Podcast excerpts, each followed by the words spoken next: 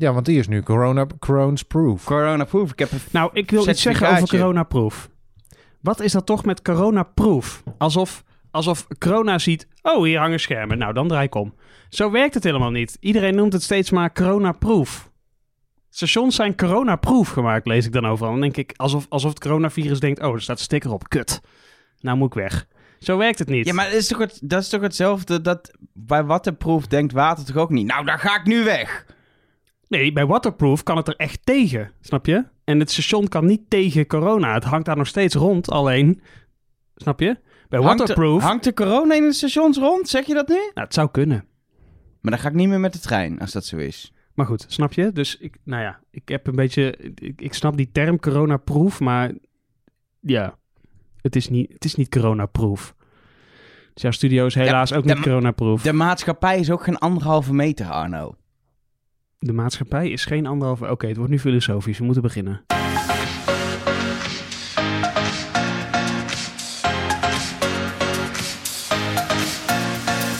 Hallo en welkom bij de Spoorkast, een eh, podcast over reizen met de trein. Eh, ik ben Elgo, zoals iedere aflevering. Tegenover mij eh, met wel een soort van ja, scherm tussen ons in. En dan geen scherm met reisinformatie, maar een doorzichtig scherm. Arno de Bla. Ook zoals iedere week. En Iedere zoals- week zelfs. Ja, dat zei jij. Oh, iedere maand. Iedere maand, Iedere week, keer. dag. Ook ja. zoals iedere keer is er ook nog Arjan Spoormans. Met ook een scherm tussen ons. Maar dan ja, maar een- dan aan de andere kant van het internet. Precies. Want jij Ja. bent gewoon lekker thuis in Rotterdam, want dan hoef je niet met de trein eh, naar de studio te komen. Wat wel natuurlijk allemaal heel nuttig is, want is de spoorkast opnemen een noodzakelijke reis? Daar kun je over twijfelen. En dus ben Nou, je dit lekker thuis. bewijst dat het niet zo is.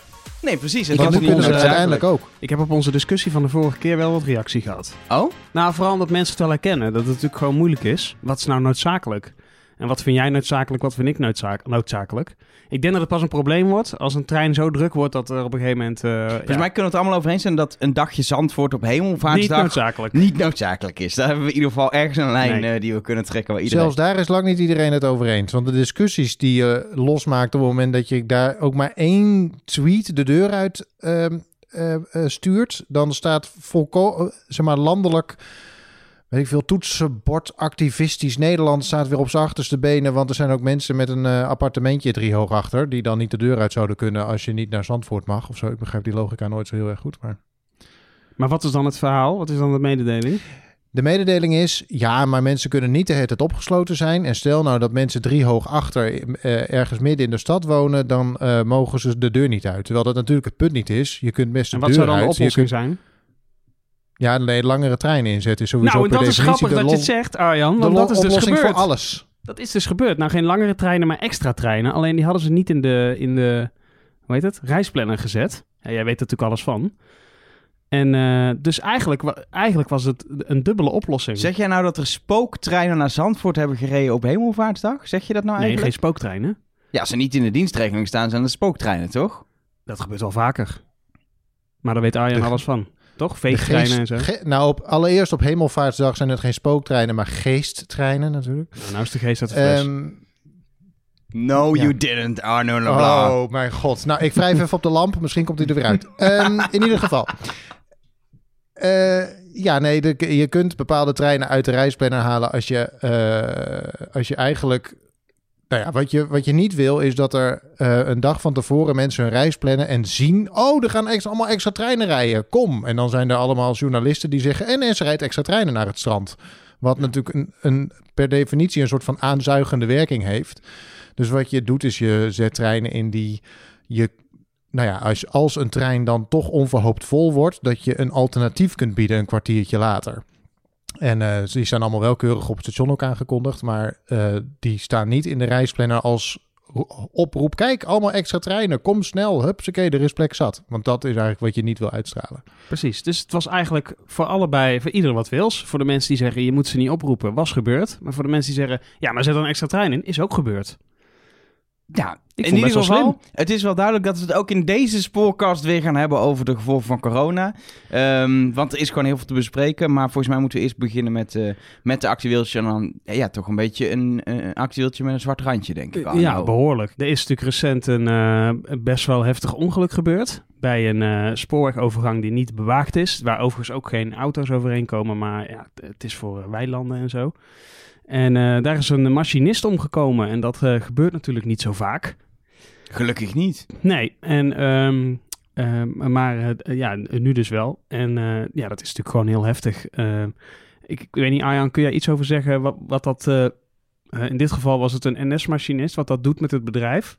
Ja, iedereen die een paar NS'ers volgt op Twitter onder andere of op andere social media zal wel gezien hebben dat zoiets op de, toch wel inslaat als een bom. Ik moet zeggen dat mijn maag zich ook omkeerde toen ik eh, eh, het op eh, Twitter voorbij zag komen, het eerste berichtje.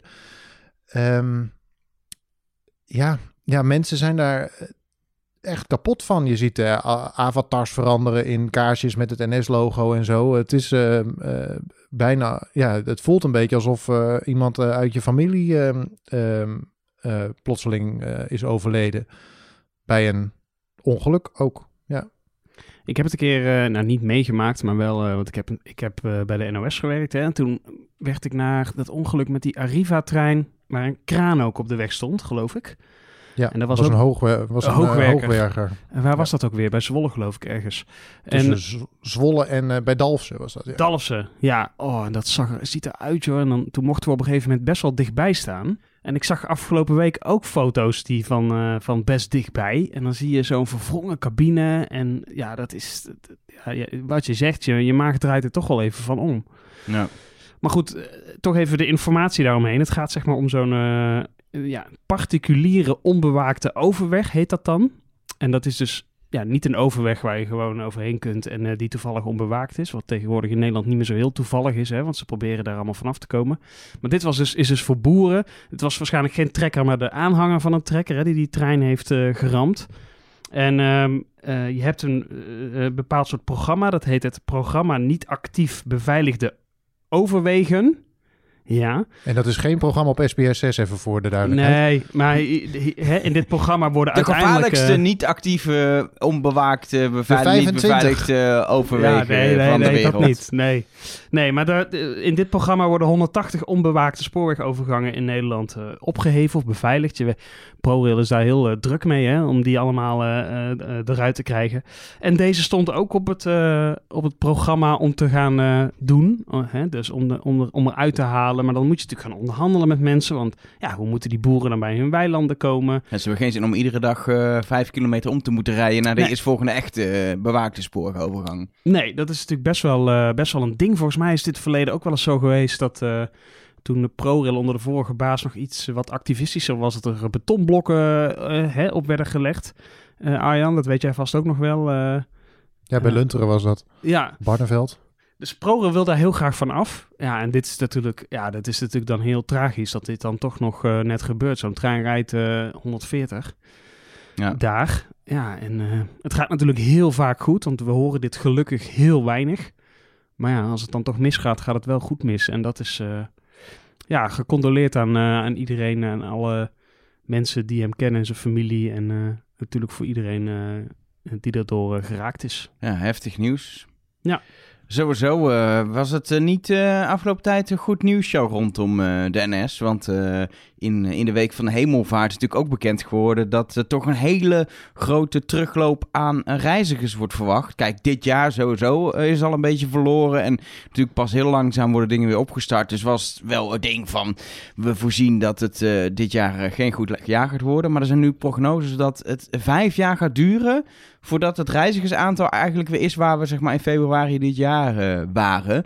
Dat het echt, eh, ja, de manier waarop mensen zich eigenlijk eh, bewegen als ze reizen, dat die verandert. Onder andere ook, begreep ik, omdat eh, heel veel mensen bijvoorbeeld een e-bike nu hebben gekocht. En dus eh, op die Ja. manier naar het werk gaan in plaats van met, eh, met de trein. En mensen meer thuiswerken, et cetera. Ja, dat heeft natuurlijk ook financiële gevolgen. Is dat iets, of ben ik wel benieuwd als je bij de NS werkt, waar je dan ook heel erg meteen zorgen over gaat maken? Ja, natuurlijk. Kijk, nou, ik moet zeggen, het heeft nog best wel lang geduurd voordat dit kwam, hè. Het was niet zoals de, want de KLM volgens mij, eh, toen waren we één dag in lockdown, toen was de KLM er al. Die was nog vier ongeveer de eerste dag in lockdown. Nou ja, dat komt omdat daar natuurlijk ook, er stond het touwtje al zo gespannen. Dat ging allemaal maar net goed. En als het dan één keer misgaat. Maar ja, bij NS was toch, het er was een heel goed jaar net geweest. Hè. 2019 was op alle fronten eigenlijk een heel erg goed jaar. Eh, qua financiën, maar ook qua tevredenheid en, en stiptheid en alles ging goed. En ehm, ja, dus dan kun je op een gegeven moment wel wat hebben. Maar ja, op een gegeven moment eh, konden ze er eigenlijk toch niet onderuit om te gewoon te gaan zeggen, ja, dit gaan we gewoon niet redden. En als je inderdaad naar de prognoses kijkt, kijk, ik, ik ben er niet zo van om te roepen, de hele wereld gaat veranderen. Er zijn mensen die dan heel profetisch gaan roepen, alles gaat veranderen. Maar het zal wel zijn effect hebben als mensen nu inderdaad andere vormen ontdekken. En manieren om thuis te werken ontwikkelen nu ook heel snel. Hè? Al, die, al die apps ook en zo, om mee te videobellen. En, eh, en ja, je hebt toch maandenlang als bedrijf geroepen, ga niet met de trein. En dan kun je zeggen, ja, maar dan op een gegeven moment zeg je te gewoon weer gaan wel met de trein. Maar ik denk dat dat, dat zal ze tijd nodig hebben. Dus ik, ja, het is natuurlijk lastig voorspellen, maar ja, ik denk ook dat je op een gegeven moment van het ergste maar uit moet gaan. En ehm, dat je er toch rekening mee houdt dat je gewoon niet meer aan die 1,3 miljoen reizigers per dag komt. Ja. De, de, de uh, communicatie officieel is dat er uh, hopelijk geen gedwongen ontslagen nodig zijn. Dat het zogenaamde natuurlijke verloop um, ja, de krimp kan gaan opvangen. Maar ja. het, het, dit, wat, er, moet, er gaan verliezen worden geleden. Gaan we allemaal meer betalen voor de treinkaartjes? Gaan er minder treinen rijden? Worden er geen nieuwe treinstellen meer besteld? Wat, wat gaat er gebeuren? Nou, volgens mij is het verhaal tot nu toe dat in ieder geval de nieuwe treinen die zijn besteld, dat, dat heeft natuurlijk niet alleen te maken met capaciteit, maar ook met, uh, ja, gewoon op een gegeven moment, hè, in 2025, hè, de, jullie, de, de jullie zo geliefde koploper moet er dan bijvoorbeeld uit. Op een gegeven moment zit het gewoon aan zijn levensduur. Dus daar moet je wel op door, uh, door blijven gaan. Sommige treinen waren al besteld. Hè, die ze, worden in de loop van volgend jaar verwacht, hè, de nieuwe intercities. Dus ja, Um, en ja, qua banen, ja, je hebt natuurlijk een natuurlijk verloop. Uh, maar er zijn ook veel mensen met een vast contract uh, bij NS. Maar ja, op een gegeven moment, ja, het zal er echt vanaf gaan hangen hoe het gaat. En je kunt niet alles afwentelen op de overheid. Dat gebeurt nee. dus ook niet. Uh, als het om NS gaat, ik, ik, moet wel echt zeggen dat ik niet zo goed weet hoe het bij andere vervoerders gaat. Die, volgens mij hingen die al iets eerder aan de bel, maar dat weet Arjan misschien. Ik heb, het, ik heb er echt opvallend weinig over gehoord eigenlijk. nou is het ook zo dat het natuurlijk veel provincialer allemaal is. Uh, Volgens mij hebben die allemaal van die, uh, en, hoe heet die, NOW, uh, en welke regeling? De NOW-regeling ja, volgens mij, werktijdverkorting. Dat, ja, daar heeft NS volgens mij geen gebruik van gemaakt. Maar andere vervoerders volgens mij wel, dacht ik hoor. Maar goed, ik zit er ook niet heel goed in. Maar ja, je gaat er niet aan ontkomen. En uh, volgens mij was het wel een realistisch verhaal. Ja, Elger, jij, zit er, jij als buitenstaander, hoe kijk jij daarnaar? Nou ja, wat, wat, wat, wat ik heel benieuwd naar ben, is... Het is een heel, volgens mij, best wel open, eerlijk verhaal. Verwacht echt grote klappen. We gaan ze proberen zoveel mogelijk op te vangen zonder dat het voor banen kost. Nou, dat, dat stemt hoopvol. Ja, ik ben wel heel benieuwd, wat ga, wat ga ik er als reiziger van merken? Uh, ga, ga ik over twee jaar opeens zien dat de kaartjes heel veel duurder worden... omdat het anders niet oh, meer uitkomt? Nou, dat zei jij, maar daarvan is volgens mij wel gezegd dat het, uh, dat het bedoeling is om dat dus niet te doen. Dus om te kijken... Hoe of wordt op... de koffie bij de kiosk twee keer zo duur? Ja, nou, volgens mij, als ik een beetje uit die cijfers las, is dat nou niet meteen, uh, is dat nou niet meteen de grote cash cow. Um, ik, ja, ik weet het eerlijk gezegd niet waar ze het in gaan zoeken. Het zal ook iedere keer weer van de situatie afhangen. Maar ja, als op een gegeven moment veel minder reizigers hebt... Ja, dan ga je niet, uh, uh, lijkt mij, treinen laten rijden voor, voor niemand. Dus ja, dat, ja het, zal, het zal zijn effect hebben op een gegeven moment. Maar waar dat precies zit... Kijk, je moet je voorstellen, tot nu toe was het bedrijf alleen maar bezig... hoe kunnen we in godsnaam die reizigersgroei opvangen? Meer, meer, meer, meer, meer. Ja, en nu is het... Uh, nu moet je gaan nadenken over uh, eigenlijk waar ze vijf jaar geleden waren. Dat moet nu helemaal opnieuw beginnen. Ja. Al, is de, al is er nu geen reputatieprobleem, denk ik. Maar wel weer, hoe ga je de reizigers weer terugkrijgen? En hoe ga je dat weer opbouwen? Ja, dat is gewoon weer een, een hele nieuwe, een nieuwe uitdaging. Ja, en dan kan, als je het zo neerzet, kan het alleen maar meevallen, ja. denk ik. Ja, ik denk wel dat ze inderdaad door zo, zo concreet uh, negatief prognose meteen te communiceren, ook voor de lange termijn, um, kan het inderdaad... Ja, het kan altijd erger, maar het kan inderdaad alleen maar meevallen ja. daardoor. Omdat je wel van een serieus erg scenario uitgaat. En ik vind... 4,7 miljard, hè? Ja, in vijf jaar, in vijf, dan nog. Dat is een miljard per jaar gemiddeld. Het zijn bedragen waar je toch helemaal stijl van achterover slaat. Dus ik, ik dacht echt... Even uh, kijken, de NS, wow. hoeveel kost de NS Weekly? Dat is 3 miljard. Dus op zich, als je die al schrapt... Nou, dat gaat het wel hard, ja. Maar je kunt mij ook, je kunt mij ook een korting geven natuurlijk. Op, uh, dan scheelt weer anderhalf miljard. Nou, ja, dan zijn we dus er. Dan kom je al een heel eind. Dan ik heb wel een paar leuke cijfers te zien. Zagen jullie dat ook? Dat is een trein... Wat stond er nou tussen Haarlem en Sloterdijk? In de NRC stonden al die grafiekjes. Ja, ja die grafiekjes. Dat dat dus 3000 euro uh, oplevert. En dat normaal. het nu normaal en dat het nu 150 is, terwijl hij 300 kost. Ja. Zoiets. Ja, en er stonden inderdaad echt wel schokkende cijfers in hoe weinig Ja. mensen met de trein reizen in, in vergelijking met normaal. Ja. zo'n, ja, je moet het even zien in de NRC, het staat ook al op de site van de NRC, maar die grafiekjes, dan zie je gewoon een hele balk over de breedte en dan ergens zo links zo'n centimetertje eh, van wat het nu is. Dat, dat zijn wel, ja, dat gaat natuurlijk beter worden. Of was het FD? Nee, het was de NRC. Ik heb het, eh, Oh, ik maar FD het had vandaag eh, weer een verhaal. En die hadden... Sorry, dat moet ik weer anders doen. Maar het FD had ook dan ook weer een verhaal. Dat er dus... Die hadden helemaal uitgerekend dan... Hoe het natuurlijk financieel... Nou, het is een interessant leesvoer.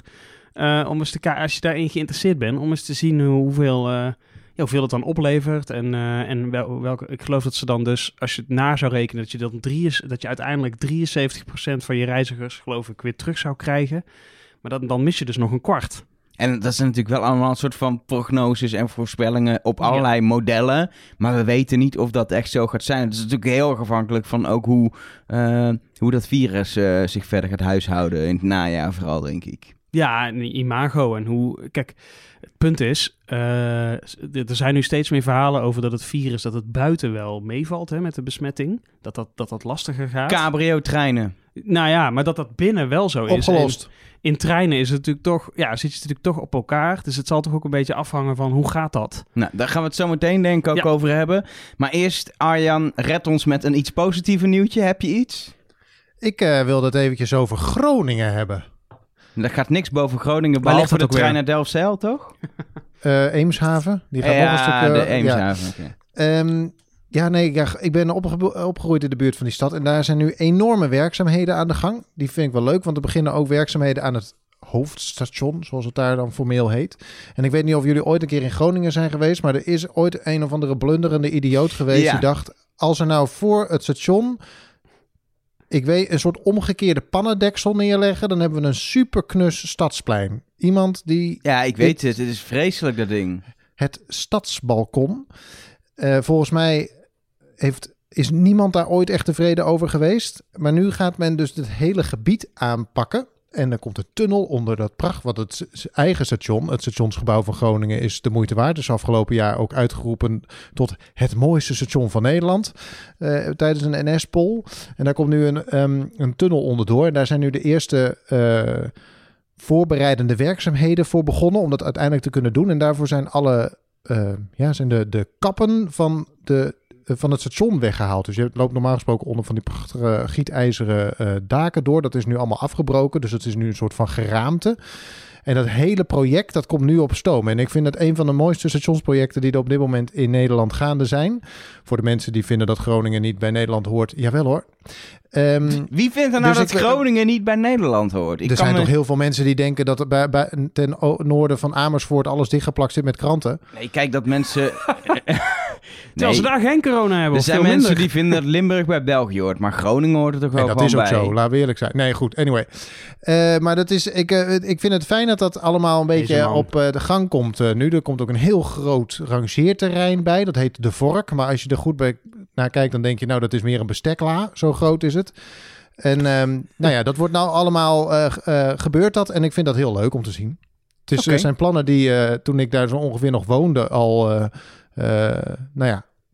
eh, aan werd getekend. En dat kun je nagaan, dat is 20 jaar geleden of zo. Eh, en dat wordt nu allemaal langzaamaan ingevoerd. Dus het is eh, goed voor de regio daar. Ik denk toch eventjes onze noordelijke luisteraars even een steuntje in de rug. We denken aan jullie, we zijn bij jullie, we voelen jullie. Ja, en voor jou wat dichter bij huis. Rotterdam-Alexander gaat binnenkort open. Ja, dat ziet er van binnen heel mooi uit. Maar ik denk wel, telkens als dat station in Amsterdam was, had gestaan, dan hadden ze zich er hier nooit mee vanaf kunnen maken. Het is toch een beetje een... Ik weet niet. Station. Het is, ja, Het, had, We gaan- het ziet het eruit... Rotterdam-Alexander is een station dat eruit ziet als een Belgisch station. Echt? Precies. We waren eh, Lage Zwaluwen. We worden Dordrecht-Zuid. Maar het is nog steeds niet... Weet je, het, is, het ligt daar in een enorme woonwijk. Het is een vrij veel gebruikt station. Er ligt eh, van alles omheen wat te doen is. En ondertussen Alexander kijken... met 1 tot en met 38 om te winkelen. Precies, Nou, juist. ik vond het er wel mooi uitzien hoor. Maar Ja, van goed, binnen- van binnen is het past heel niet mooi. ook gewoon bij, echt bij Rotterdam een beetje? Toch een beetje Dat het lelijk is. industrieeler en zo.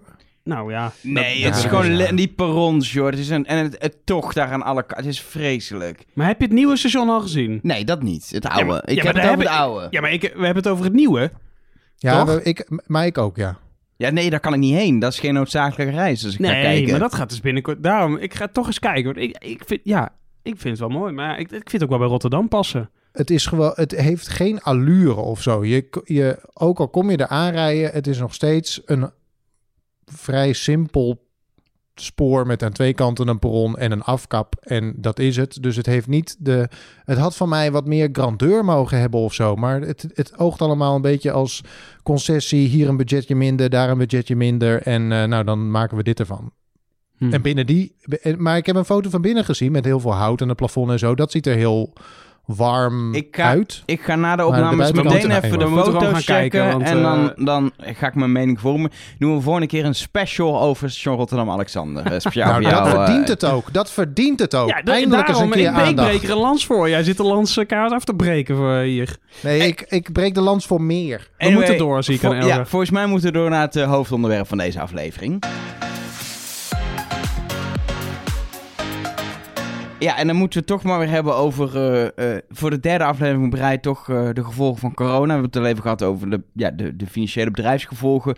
Maar vooral het reizen met eh, de trein. Eh, vanaf eh, vanaf eh, 1 of eigenlijk 2 juni wordt de normale dienstregeling weer opgestart. Ehm, met een mondkapje moeten we, moeten, we, moeten we op pad. Misschien als eerste ook.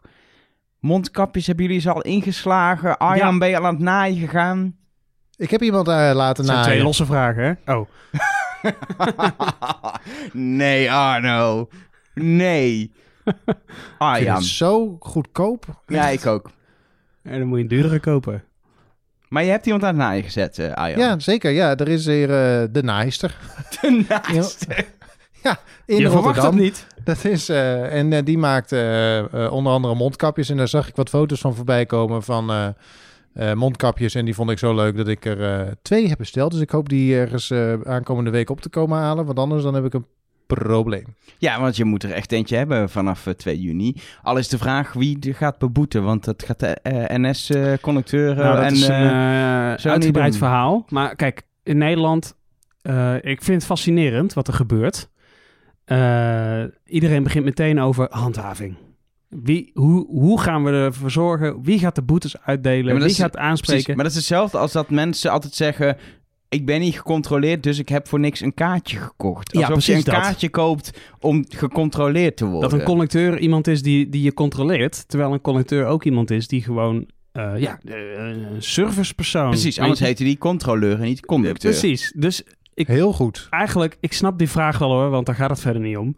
Maar het begin is natuurlijk gewoon dat, ja, dit, dit, doen we, dit doet niemand voor zijn lol. Er is geen OV-bedrijf, hè, want het geldt natuurlijk in het hele OV, dat gaat zeggen, ah, ik heb nou iets leuks, we gaan allemaal een mondkapje opdoen en dan gaan we verplichten. En als je, als je het niet opzet, krijg je een boete van 95 euro. Dat is niet, het, het gaat ergens over. Het gaat over veiligheid eigenlijk, als je het eh, eh, terugbrengt. Eh, ja, dus we moeten het gewoon gaan doen. En ja, over handhaving. En kijk, het, het was voor de coronacrisis ook al zo. Als jij eh, niet gedraagt in het station, dan word je aangesproken. Of in de trein. Ja, dat zal nu ook gaan gebeuren. Dat is eigenlijk geen verandering. Ehm, maar goed, ik zeg al, ik snap de vraag wel. Maar volgens mij moeten we gewoon eh, met z'n allen dat gaan doen. En heeft het een doel. En ik denk een goed doel. Want ik was er altijd heel erg voor om die mondkapjes te gaan doen. Omdat ik die anderhalve meter in de trein... Ik zag het gewoon niet gebeuren. Hoe moet je dat gaan doen? Ehm, en dat, gelukkig eh, was de overheid het daar ook wel mee eens. En in een bus, hoe moet je het daar gaan doen? Of in een tram of een metro. Dus eh, ja, ik vind het wel een goeie hoor, die mondkapjes. Alleen dat hele verhaal over die medische mondkapjes en zo. Ik zag ook wel dat eh, Rutte daar inmiddels een beetje... Als je met een medisch mondkapje zit, zoals hij dat dan noemt... want formeel schijnt die term helemaal niet te bestaan, hè? Een medisch of een niet-medisch mondkapje. Maar dan, dan is het niet zo dat je dan eruit wordt gezet of zo. Je mag gewoon alle mondkapjes op. Als je maar een mondkapje opzet. Dat is wel verplicht. Ja. En, en, en, en verder, want ik hoor heel veel over, over al die stickers, dat er dan stoelen afgestickerd zijn en niet. En dat je op perron dus anderhalf meter afstand houdt. En dan, en dan in de trein kan dat niet. Eh, maar dan moet je op de stickers letten waar je mag zitten. En hoe, hoe, eh, wie kan me uitleggen als ik, stel 2 juni, ik ga het niet doen, maar stel 2 juni ga ik met de trein.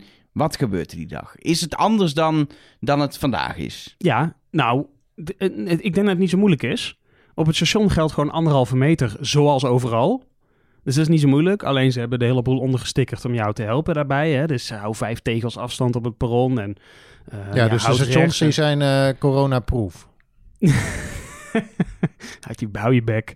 Maar, eh, eh, maar- dus dat is, dat is eigenlijk zoals overal. En in de trein is het ook, vind ik het ook best wel makkelijk. Want het is gewoon, ga bij het raampje zitten. Zo simpel is het. Ja, en, soms zijn er stoelen waar je natuurlijk niet, die niet naast elkaar zijn, maar die inderdaad aan de raamkant helemaal zitten. Dat kan ook in een bus zo zijn. Nou, dan moet je even op de stickers letten. Maar in principe is het idee, ga niet in het gangpad zitten. Ga zo ver mogelijk aan de raamkant zitten. En daar hangen ook de stickers. Maar verder moet ik, zijn er zeg maar dat ik bij de ene deur erin moet en dan bij de volgende deur moet uitstappen? Of, of, of hoe werkt dat? ik Of- kijk even naar Arjen, maar volgens mij nog een, een, Nee, hoor. niet. Nee. Kun je gewoon, eh, mee- en ik zie nu ook dat mensen daar zich daar over het algemeen, tenminste op de trajecten die ik reis, eh, heel goed aan houden. Dat je gewoon eh, dat je ruimte houdt voor de uitstappers en daarna pas instapt. Dat is, een, eh, dat is ook een regel die lang niet iedereen snapte eh, voordat corona uitbrak, maar wellicht dat dit eh, helpt. Dus je kunt gewoon bij iedere deur instappen en eh, ook bij iedere deur uitstappen, maar hou, eh, hou een beetje ruimte voor elkaar. En dan ehm, zitten bij de groene stickertjes op de ramen. En die, die zijn geplakt eh, boven iedere stoel aan de raamkant. Dus ja, Ja. eigenlijk wat Arno zegt, het, is, het wordt niet heel veel ingewikkelder dan dat. Oké. En geen staanplekken. Maar nu ga ik naar mijn zus, die woont in Kuik. Omdat ik daarheen moet, noodzakelijk, even puur hypothetisch.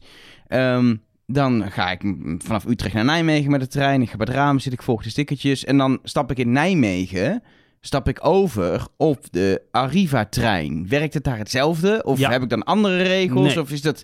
Hele OV hetzelfde. Dus dat is gewoon, In zijn afspraken de over bus. Ja, ja, ja, deze afspraken. Sterker nog, voor, volgens mij is dit formeel gewoon een overheidsding.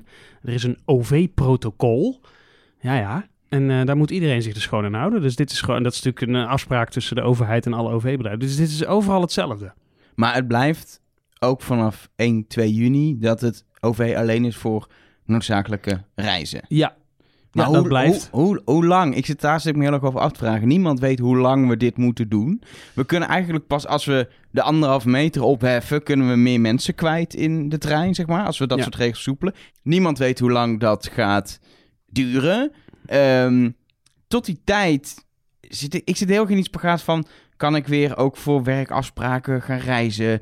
Eh, ja, dat is eh, noodzakelijk, zou ik zeggen. maar ja, de, dat, er verschuift dus wel iets in wat noodzaak... Eerst was het echt, zeg maar, alleen ongeveer als je in een ziekenhuis werkte, was het noodzakelijk. Vitale beroepen. En ja, nu, als ik gewoon voor werk een afspraak elders heb in Amsterdam, dan moet dat kunnen. Eh, Ja, nou ja, ik zou zeggen ja. Want kijk, de, straks wordt er gewoon, eh, dat is ook het idee, hè, dat we weer een beetje opstarten. Hè? Dus ga niet eh, naar Zandvoort, snap je? Lekker eh, op een zonnige dag. Maar naar je werk gaan, dat lijkt mij geen probleem. En zeker inderdaad als je helemaal geen auto hebt en gewoon van afhankelijk bent. Maar wat het idee is achter dat za- noodzakelijk, is dat er natuurlijk maar gewoon plek is voor tussen de 40 en 50 procent van de reizigers die je normaal had. En niemand weet wat er straks gaat gebeuren, hè? want eh, ja, misschien komt maar 20% opdagen. Ja, dan is er niet echt Ja, een maar het, is probleem. ook, het is ook heel erg afhankelijk van wat bedrijven zeggen. Als, eh, als bedrijf X zegt, we, we gooien het kantoor open, kom maar weer, want het kan weer met de trein. Kijk, de, de, de communicatie nog steeds, die ik hoor in ieder geval, is eh, werk thuis. Ah, jij werkt altijd thuis, toch? Helemaal niet. Nee, dat kan niet bij jou. Maar eh, Nee, dat kan niet. jij werkt nog Maar- gewoon Zoveel thuis. mogelijk wel, Ja. ja. Maar volgens mij verandert er wat dat betreft niet zo heel erg veel. Die oproep van reis alleen als het echt noodzakelijk is. Je ziet dat het, wat er volgens mij aan de hand is, is dat steeds meer mensen hun reis nu eens een keer echt noodzakelijk vinden. Dus je hebt volgens mij heel veel mensen die allerlei bezoekjes en zo sinds maart hebben uitgesteld. Want in maart was het echt uitgestorven op het station. Dan liep je met, met acht man maximaal door Utrecht Centraal. Dat was echt hallucinant om te zien. En er zijn een hoop mensen die volgens mij allemaal reizen naar ouders of vrienden of eh, weet ik veel dingen hebben uitgesteld. Want ze dachten, nou, ik wacht wel even, ik wacht wel even, ik wacht wel even. En nu worden er wat meer dingen soort van noodzakelijk, omdat mensen elkaar lang niet hebben gezien. Omdat je toch een keer naar je moeder in een verpleeghuis wil. Omdat je toch een keer naar je gehandicapte broertje in Zwaagwesteinde. ik weet niet precies waarom ik dat zeg, maar ergens eh, eh, wil gaan bezoeken. Maar als je, als je je werk kunt doen zoals je dat nu thuis ook kunt doen, volgens mij zou ik dan zeggen, laat dat voorlopig vooral eventjes, eh, doe dat vooral even thuis. Ja. Maar dat is het ook, hè? beperk Je tot, ja, beperk je tot de afspraken die daadwerkelijk niet anders kunnen dan face-to-face. Maar dat is ook de eh, oproep, hè? Werk zoveel mogelijk Ja. thuis. Maar ik, ik, vind het, ik vind het persoonlijk heel lastig, want ik ben ehm, afhankelijk van de trein voor mijn eh, vervoer, zeg maar, buiten Utrecht waar ik woon. Ik kan hier alles op de fiets. Ik pak ook eigenlijk de bus sowieso nooit in de stad. Dus het OV in de stad kan me echt gestolen worden. Maar als ik ergens heen wil, dan kan ik met de trein. Ehm, nu heb ik wel zoiets van, ja, er zijn ook allemaal weer klanten van mij die toch zeggen, ja, we willen toch iets fysiek. eh denk ik, nou oké, dan ga ik even kijken hoe het straks gaat de eerste week van Ja. juni, maar op zich ga ik weer. Maar ik zit ook mee, ja, ik, eh, ik wil ook wel weer op vakantie en dan wordt het geen internationale reis, maar ik wil wel in de zomer misschien even een weekje weg. Ga, dan ga ik met koffers de trein, ja, ik moet met koffers de trein in. Want ik, weet je, mensen met een auto kunnen vrij makkelijk zeggen, nou dan gaan we met de auto. Dus ik, Ja. ik, ik voel me als reiziger nu heel erg beperkt. En ik ben echt niet zo'n activistisch. Ik moet mijn vrijheid terug. Nee, maar jij Maar- bent toch niet de enige? Maar ik kan... Ik, voor mijn gevoel vind ik dat heel lastig. Omdat ik aan de ene kant denk... Volgens mij kan ik op een gegeven moment wel wat dingen doen. Zeker als het rustig is. Maar als iedereen dat zo denkt... Dan hebben we een probleem met z'n allen. Ja, doordat je Ja. op je verantwoordelijkheid gewezen wordt, zeg maar, krijg je een soort druk over dat je daar verantwoordelijk mee om wil gaan. Ik heb dat gesprek, dat soort gesprek ook wel veel met vrienden in mijn omgeving, die dan zeggen, ja, maar ja, wanneer is nou iets noodzakelijk en zo? En ik denk er altijd heel lang over na, maar ja, dan stap ik in de trein en dan voel ik me toch een beetje een misdadiger. En dat is volgens mij echt niet de bedoeling eigenlijk. Als Nee, je er op die nodig. manier... En ook niet nodig. Als je er op zo'n manier over nadenkt, hoewel je dat aan de buitenkant natuurlijk niet ziet. Dus ik heb me ook wel eens een keer, terwijl ik, volgens mij vertelde ik dat de vorige keer in de, eh, in de spoorkast, dat, die, dat ik een boek zat te lezen op de terugweg naar, van mijn werk ehm, in de trein. En dat er vervolgens een hele boze omroep, omroep kwam van de machinist. Die zei, nou allemaal mensen die eh, geen vitaal beroep. En dat ik daar in mijn vrije tijdskleding zat met mijn boek en dacht, ja, ik zie er ook uit als iemand in zijn vrije tijd met een boek die hier niet hoeft te zijn, terwijl je dat, ja, eh, ik werk hier. Ehm, en als je daar met je koffers, zoals jij in de, met je koffers in de trein stapt, niemand ziet de context dat jij vier maanden lang niet met de trein bent gereisd omdat je je verantwoordelijk wil gedragen en nu één keer wel en dan met koffers en dan de- dat er vervolgens de halve coupé boos naar je kijkt. Ik vind dat is wel een soort vreemd sociaal ding wat daar is ontstaan. Ja, dat het ik, dat ik, je ik denk dat het even geduld hebben is. Want in het begin zou ik dit zeker niet doen. In, in, in- met die koffers in de trein. Ja, en wie weet dat er eind juni eh, dat Rutte gaat zeggen... nou, eh, voorzichtig reizen en inderdaad weer op vakantie gaan... en het vliegverkeer gaat weer, eh, kan weer. Ja, en dan is voor jou naar het vliegveld gaan... is dan een noodzakelijke rit. Althans... Maar ik, het is gewoon ook een beetje aanvoelen van hoe de sfeer op dat moment is. Dan weten we ook meer. Voor hetzelfde geld komt met 20% opdagen vanaf eh, 2 juni. Ja, eh, snap je? Maar jij, ik, ik vind, jij, maar dat is echt hoe ik er naar kijk. Jij bent er al heel erg mee bezig. Van moet ik dit wel doen, moet ik dit wel niet doen? Ik denk dat dat is wat je wil bereiken. Dat mensen erover nadenken. En niet klakkeloos de En trein. niet Want ik klakkeloos zit- trein instappen. Voor corona zat ik echt zes dagen per week wel in de trein. Dat ik dagen dat ik eerst naar Amsterdam ging en dan daarna met de metro naar een andere afspraak. Nog even via Rotterdam moest ik dan nog iets doen en dan weer terug naar Utrecht. En ja, dat doe je nou niet naar. Eindhoven. Nou nee, ik, al die plekken ben ik, al vanaf heel 2 lang, ben ik heel lang niet geweest al. Ehm, en nee, vanaf 2 Rotterdam, ook niet. Als Ja. ik nu kijk, heb ik, heb ik twee eh, dingen in juni waarvoor ik weer met de trein echt zou moeten. En waarschijnlijk komt er nog wel iets bij. En dan moet ik zeggen drie keer met de trein in juni. Ja, nou ja, goed. Ik denk dat dat het is. En eh, Op zich, als iedereen in plaats van dagelijks maar één keer per week met de trein gaat, dan, dan, dan hebben we het qua capaciteit prima op orde. en een beetje gespreid over de dag gaan. Ja, precies. Maar dat is, dat is natuurlijk een ding, bijvoorbeeld met de hogescholen en universiteiten. Ja. Die mogen waarschijnlijk heel voorzichtig wat dingen gaan opstarten. Maar dan alleen maar eh, zodat er niet in de spits eh, kan worden ge- gereisd. En ik denk ook dat zolang we beperkte capaciteit hebben, dat het onderwijs, eh, het hoger onderwijs, gewoon niet volledig kan opstarten. Omdat het voor zo'n piekbelasting zou zorgen. Ook vanaf september hebben we denk Ja. ik nog steeds een probleem. Ja, weet je wat het is? Dat zullen we gewoon moeten zien tegen die tijd. Ja, dat is het lastige nu. Hè? Het is heel erg. Ja, we gaan natuurlijk. Er, er, er- hè, er gaat gewoon de hele dienst. Zo goed als de hele dienstregeling gaat weer rijden. Dus bijvoorbeeld ook weer die 10 minuten treinen en zo. Ja, volgens mij, eh, Arjan, gaan die gewoon weer rijden, toch? Of niet? Ja, dat lijkt me wel. Jazeker, ja, ja. Ja. Alleen een aantal eh, treinen in de spits gaan nog niet rijden. Maar Ja, de, extra alles. spitstreinen. Ja. Maar eh, ja, dat is toch... Ja, ik kan, ik kan me niet anders voorstellen dan dat, het, ja, dan dat het daar niet heel druk in gaat worden. Ja. Zeker als je tegen spits reist, hè, want dan zit je vaak al aan die 30, 40 procent. Ja.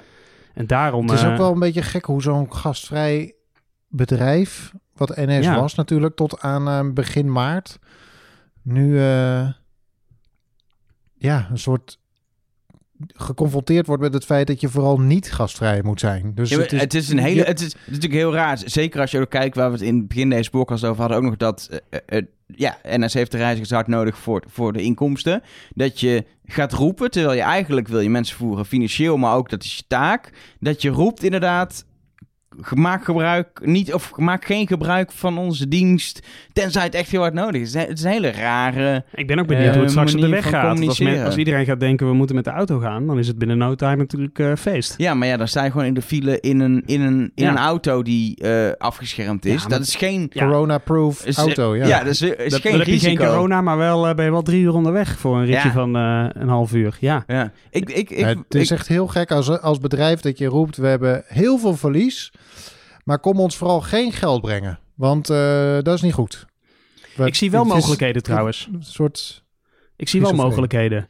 Maar- Hoezo? Nou ja, dit, dit, commercieel wordt het superleuk. Wie heeft er allemaal al wel niet de mondkapjes laten maken? Zijn er al, eh, zijn er al spoorkast eh, mondkapjes? Nee, maar Arjan kent toevallig een naaister in Rotterdam.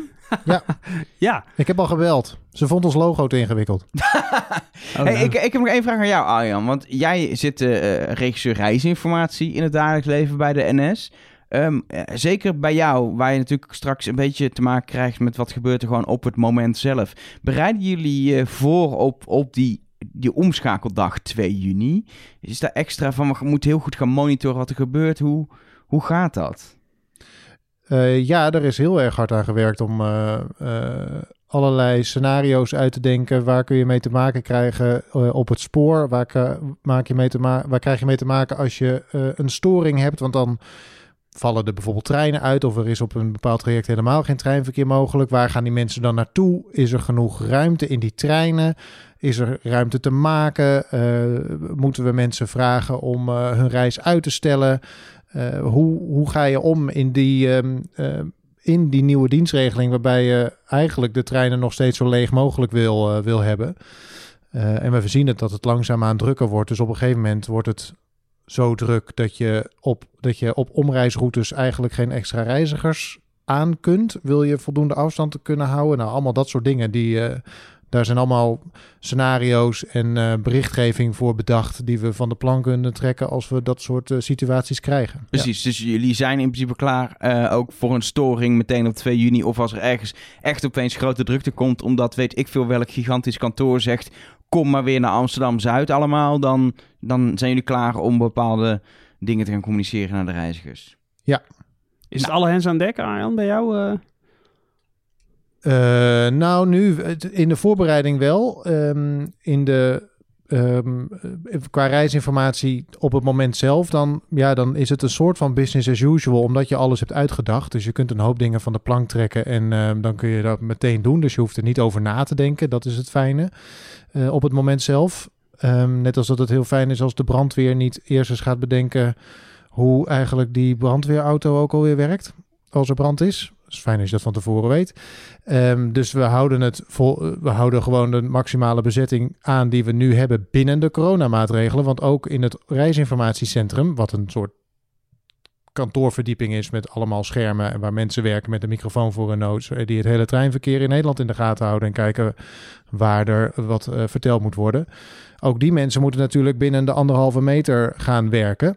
Ehm, dus daar eh, eh, wordt ook rekening mee gehouden. Maar voor de rest is het, ja, dan moeten we gewoon zien wat op ons af- afkomt. Oké, nou, we gaan het allemaal meemaken eh, vanaf 2 juni. En ik denk dat we volgende spoorkast weer even gaan terugblikken hoe het dan eh, gegaan is. En dan is het tijd voor, nou, toch wel het hoogtepunt van deze aflevering. Namelijk niet onze verhalen en meningen, maar die van een conducteur, de conducteur van de maand. En volgens mij hebben we er weer eentje, Arno. Ja, zeker. Dat is Rita. Goeiedag, Rita. Hoi. Ja, Rita. En een vrouw! Ja, een Ja. vrouw tussen al die rare mannenstemmen. Wat fijn. Ja, dat is, eh, dat is heel fijn. Eh, ja, Rita, want ik, ik kwam Rita tegen. eh, een paar weken eh, geleden. En eh, eh, Rita die was aan het omroepen in de trein. En ja, Rita, kun, je- kun jij eens vertellen hoe je dat deed? Wat jij tegen mensen zegt? Ehm, nou, het is een beetje moeilijk om dat zo woordelijk te herhalen. Ehm, maar wij gingen in de richting van Rotterdam. En dat was net Altijd de in die juiste periode... richting. Ja, precies. Ja, Rotterdam is altijd goed. Ehm, en dat was net het moment volgens mij eh, dat we echt wel even aandacht besteden in de omroep aan eh, zoveel mogelijk de mensen uit de trein houden, tenzij het echt cruciale functies, vitale beroepen, dat soort eh, situaties betreft. Ehm, ja, en dan probeer ik toch wel, als ik zie dat er mensen in de trein komen waarvan je denkt, nou, die horen er echt niet in thuis. Met een beetje een kwinkslag eh, mensen bewust te maken waar ze mee bezig zijn. En ik, ik noem dat dan zeg maar het haakje zoeken in de hersenen, waar ik iets aan kan hangen. Zodat ze er nog even een tweede keer over nadenken voordat ze de volgende keer de trein instappen. Maar dan ben ik wel toch wel benieuwd hoe je dat dan doet. Wat, wat zeg je dan? Gewoon letterlijk. Ja. Ehm, ja. Ik zit al heel lang niet in de trein, dus ik heb het niet gehoord. nou ja, bijvoorbeeld zoals nu, weet je, dat, als je het gaat over een haakje zoeken, als je nou kijkt naar de mondkapjes, hè, we gaan nu naar de mondkapjes toe per eh, 1 juni. Ehm, maar op het moment dat je daar de mensen van bewust maakt, te zeggen, nou, dames en heren, ik attendeer u er nog even op tot middag van 1 juni is het verplicht is om in de trein mondkapjes te dragen. 1 juni zegt die mensen niet zoveel. Maar als je dat koppelt aan 1 juni is tweede Pinksterdag, dus waarschijnlijk begint u dan op 2 juni, dinsdag, met het dragen van de mondkapjes. Ah ja, gewoon Dat op is die het manier. Ja, precies. Ja, maar het, werd, het, werd, eh, het, was, het was nog leuker, Rita, weet ik nog. Want jij zei ook nog... En eh, het mag ook al vanaf nu hoor. Dus eh, Ja. voel je echt niet bezwaard om nu al een mondkapje op te zetten. En je zei ook nog van... nou, ik hoop dat u allemaal maar een, een, een, een, een, noodzakelijke rit heeft. En, dus ja, je voelde je wel echt even als reiziger aangesproken, ja. Ja, dat, dat, dat- Nou maar wel op een vriendelijke manier. Dat vond ik dan wel weer mooi. Nou, dat is, dat is wel wat je probeert. Want uiteindelijk, wij kunnen natuurlijk als conducteurs niet anders dan die omroep inzetten als een instrumentje. Het is er, ehm, daar, daar is onderzoek naar gedaan dat uiteindelijk eh, mensen het idee hebben dat ze de hoofdconducteur gezien hebben als ze een soort van persoonlijk boodschapje hebben gehad. Dat is, dat is echt heel frappant, want je zou denken van ze moeten echt een hoofdconducteur zien om te vermelden dat die zichtbaar is. Maar dat hoeft dus helemaal niet. Je kan gewoon de omroep gebruiken door het een beetje persoonlijker te maken. Hebben mensen het idee dat ze je gezien hebben. En dat is echt heel grappig. Ja, want heel veel, heel veel eh, eh, zichtbaarheid is, is een stuk lastiger geworden natuurlijk de afgelopen maanden. Want je, ja, je kan niet eh, overal maar, eh, ma- maar langs gaan, dicht bij de mensen komen. Dus, dus het, het omroepje is belangrijker geworden, denk ik. Ja, en dat, dat zichtbaar ja en nee. Ehm, kijk, het is maar net wat je ervan van maakt. Ten eerste zijn er veel minder reizigers. Dus wij vallen met ons uniform sowieso al wat meer op, denk ik. En ik draag ook het eh, rode petje van eh, de NS. En als je dat rode petje op hebt, nou, dan zien ze je echt wel hoor. Want dat komt op het perron helemaal niet zo vaak voor. Nee. Dus dat is maar net wat je er zelf mee doet. En dan wil ik niet iedereen aan die petjes praten of zo. Daar gaat het helemaal niet om. Maar het is wel iets waarvan ik me bewust ben. Dat je zelf heel veel invloed hebt op die zichtbaarheid. Nou, Ja. dat is gewoon grappig. Ja. Hey, en hoe reageren de reizigers daar dan op, eh, Rita? In de regel eh, heel positief. Maar ik sla ook wel eens de plank mis. En laatst heb ik een reiziger gehad die vond dat ik te belerend was. Ja, dat kan dus ook. Dan krijg je eigenlijk een stukje feedback. Waardoor je zelf nog eens een keer nadenkt. Van, hé, hey, oké, wat zei ik dan precies? Oké, dat zei ik. Nou, volgende keer stel je dat dan weer bij. Dus natuurlijk steeds leren ook weer. Van, hé, hey, hoe breng ik het? Eh, pakken mensen de boodschap eruit? En nou, hier was een mevrouw die vond dat ik te belerend was. Nou, dan denk ik daar nog eens even over na. De volgende keer probeer ik weer wat anders. Maar ik krijg, eh, als ik naast de trein sta, ik denk nou, zoals die trein uit Rotterdam dan, eh, zeg maar. Nou, dan komen er zeker drie, vier reizigers naar me toe die een compliment maken over die omroep. Ja. Het, het, klinkt, het klinkt wel een beetje alsof je in ieder geval, ondanks dat het allemaal, ja, allemaal een lastige situatie is, het is rustiger, dat je nog steeds heel veel plezier haalt van, uit het werk als conducteur. Dit ja, moment. tuurlijk. Tuurlijk. Kijk, en dat is hoe dan ook. eh, je krijgt een wat andere relatie met die eh, reiziger. Voorheen waren er heel veel mensen, en dan stond je mensen te woord die vragen hadden, die een adviesje nodig hadden. Maar nu heb ik soms wat meer tijd om een praatje te maken met mensen. En nou weet ik al, oh, op Baren stapt die mevrouw op. Die moet mee naar Schothorst, want daar werkt ze in de kringloopwinkel. Die meneer, die werkte in de evenementenbranche, kan daar nu even geen werk in vinden. Maar hij heeft wat anders gevonden. Hij schildert nu en daarom moet hij nu mee naar Den Haag. Vanaf Amersfoort gaat hij helemaal naar Den Haag om te gaan schilderen. Gewoon als eh, huisschilder, zeg maar.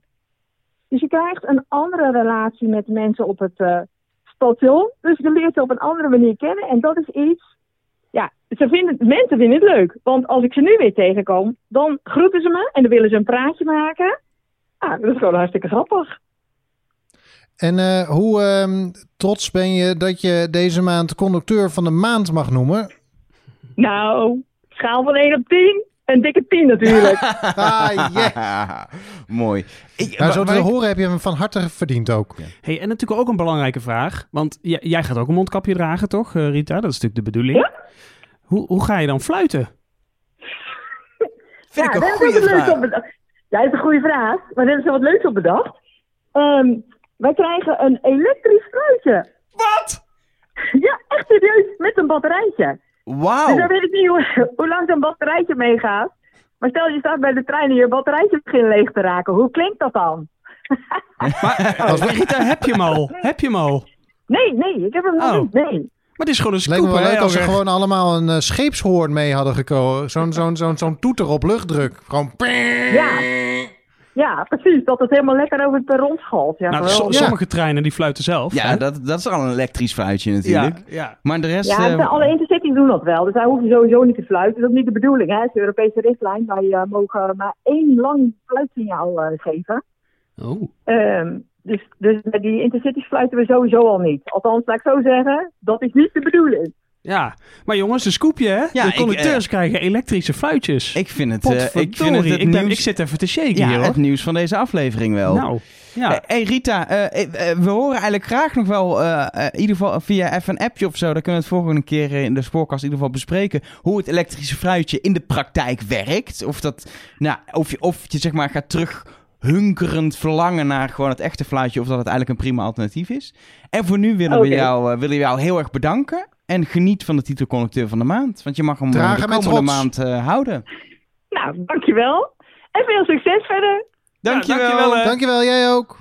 Ja, en heb je nou ook een conducteur van de maand waarvan je vindt dat we die absoluut tot de conducteur van de maand moeten uitroepen en die we lekker in de podcast kunnen jensen? Laat hem dan vooral eh, aan ons weten. Je Jensen kunt in ons- onze ik wil podcast? geen Jens in de podcast. Waarom. Dan wil je geen Jensen in de nou, podcast? dat is de stop de lockdown. Die wil eh, anti-anderhalve meter, prop treinen vol. Het liefst Ja, maar met het is ook een buitenlanders stem en dan die we in dit- wegvoeren. in dit- dat is een beetje Jensen. Ja, maar die, het is ook een stem die we toch even moeten laten horen af en toe. Nou, dat vind ik niet. Dan moeten mensen naar Oké. de Jensen podcast luisteren, hoor. Nou, liever niet eigenlijk. Nou goed, dan stoppen we diegene in onze podcast. Is ook niet echt charmant eigenlijk natuurlijk om te zeggen. Maar goed, hoe dan ook. Meld diegene aan via een van onze social media kanalen. Je kunt ons vinden op Instagram, Twitter, Facebook, overal. Je kunt ons ook een mailtje sturen. Het maakt niet uit wat je voor de spoorkast.nl zeg, zet, want het komt allemaal bij ons binnen, toch? Dus Annemarie@spoorkast.nl, Zwaagwesteinde@spoorkast.nl, coronaproof@spoorkast.nl. Het mag allemaal. Rotterdam Alexander. Anyway, meld je, meld je favoriete conducteur aan voor de spoorkast. Dan bellen we diegene misschien volgende maand. Voor nu eh, rest ons nog één ding. En dat is denk ik het fluitje. Ik denk dat het fluitje Rotterdam is, maar het is niet oh hier. ja, dit is weer een chaos. Ik ben hem vergeten weer. Nee! Oh. Gaat het nou iedere maand zo?